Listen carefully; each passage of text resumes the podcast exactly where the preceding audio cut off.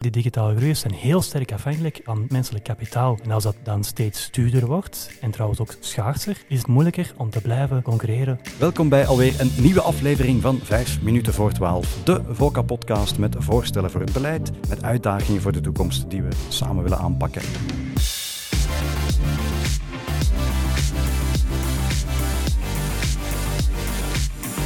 VOCA Podcasts.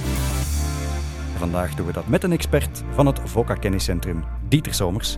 Dag Dieter. Dag Erik. Jij weet alles over digitalisering. Ik weet er heel weinig van. Wat is digitalisering volgens jou? Digitalisering is voor mij vooral een technologie die gebruikt kan worden om een aantal maatschappelijke uitdagingen aan te pakken. Dus maatschappelijke uitdagingen gelinkt aan, aan duurzaamheid, vergrijzing, urbanisatie of digitale transformatie. Dat zijn eigenlijk allemaal uitdagingen die door digitale technologie kan aangepakt worden. Digitale technologie kan er eigenlijk voor zorgen dat we met minder input meer of dezelfde outputs kunnen genereren. Ja, dus meer economische groei, een grotere productiviteit als we digitalisering overal omarmen. Voilà, en ik sprak over minder input, dus minder energie die je daarvoor nodig hebt, minder belastende arbeid. Grotere productiviteit, maar wie zorgt daar dan voor? Wat zijn de type bedrijven die actief zijn in die digitalisering in Vlaanderen? Dat zijn op dit moment vooral digitale groeiers. Je hebt natuurlijk ook wel grote multinationals die er ook actief zijn, maar het zijn vooral die lokale digitale groeiers die het snelste groeien. En die zorgen natuurlijk ook voor extra tewerkstelling, zorgen natuurlijk ook voor meer innovatie. En heel belangrijk, die hebben een heel positieve hebboomfunctie op andere ondernemingen. Ze zorgen ervoor dat andere ondernemingen beter kunnen werken, efficiënter, dat ze ook betere nieuwe businessmodellen kunnen vormgeven. En het is niet enkel zo dat zij een positief impact hebben op andere ondernemingen. Nee, het is eigenlijk ook positief voor andere stakeholders. Dus ook voor de burger. De burger heeft een hogere levenskwaliteit, een betere personalisatie van producten en diensten. Maar ook de overheid heeft er baat bij. De overheid kan met behulp van digitalisering zorgen voor een betere dienstverlening. Dus wij als burger krijgen dan ook meer waar voor ons geld. Ja, een erg cruciale sector voor de hele economie, dat heb ik nu wel begrepen. Maar hoe gaat het daarmee met die sector? Ze groeien, dat heb je gezegd. Maar de beleidscontext, is die positief? Worden zij ondersteund in wat ze doen? Ze groeien, dus dat is positief. Maar we zien wel dat ze meer en meer onder druk komen te staan. Dus ook de groei. En we zien dat het omgevingsklimaat aan het verslechteren is. We zagen enerzijds al de aanpassingen aan de auteursrechten, maar ook in het kader van de fiscale hervorming had je een aantal voorstellen die echt wel effectief heel nadelig konden zijn voor die sector. Waarom is fiscaliteit zo belangrijk voor die sector? Omdat je natuurlijk met fiscaliteit een aantal maatregelen kan nemen om ook menselijk kapitaal of het talent goedkoper te maken. En natuurlijk, de digitale groeiers zijn heel sterk afhankelijk van dat menselijk kapitaal.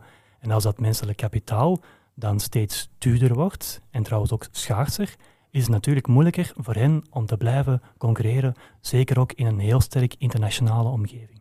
Ja, wat is het alternatief voor die bedrijven als zij de mensen niet vinden of niet kunnen betalen? Wat dan? Wat we nu vooral zien, is dat die bedrijven steeds meer naar het buitenland beginnen kijken om daar aanwervingen te doen. En sommige van die bedrijven zijn effectief nu aan het bekijken of ze misschien ook hier in Vlaanderen het kunnen doen met minder tewerkstelling. Ja. En dat is natuurlijk een heel pijnlijke zaak. Is het beleid daarvan uh, doordrongen? Weten zij dat dit aan het gebeuren is? En zijn ze maatregelen aan het nemen? Helaas zien we dat het beleid eigenlijk veel te weinig beseft wat die positieve impact is van die groep van digitale groeiers. En daardoor dat ze ook geen ja, beleidsmaatregelen gaan nemen om die groepen beter te ondersteunen. En we zien trouwens ook dat we het level playing field aan het verliezen zijn in Europa. Want als je kijkt naar andere landen in Europa, dan zie je effectief dat zij die digitale sector als veel strategischer aanschouwen en ook extra maatregelen nemen om die beter te ondersteunen. En dat zijn ook soms extra maatregelen die gelinkt zijn aan het aantrekken van buitenlands kapitaal. Ja, hoe komt dat? Zo'n cruciale sector. We hebben allemaal mee te maken met digitalisering, maar de politiek uh, ziet het niet.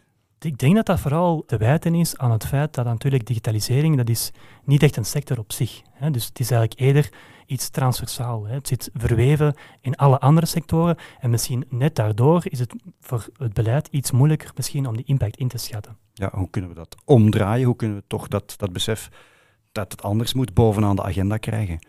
Het is vooral belangrijk gewoon dat we wijzigen op die positieve impact. En dat zijn we nu ook aan het doen met FOCA. Namelijk, we zijn bezig aan het schrijven van een, een positief narratief.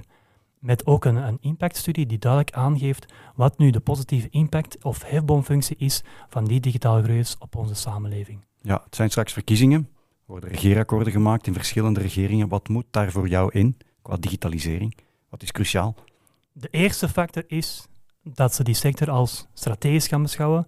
Dus dat ze ook een strategie gaan uitwerken om die sector te gaan faciliteren. En dan denk ik dat het heel belangrijk is dat ze werken rond dat menselijk kapitaal. Ja, oké. Duidelijke oproep. Hopelijk wordt die gehoord. Dieter, dankjewel voor de uitleg.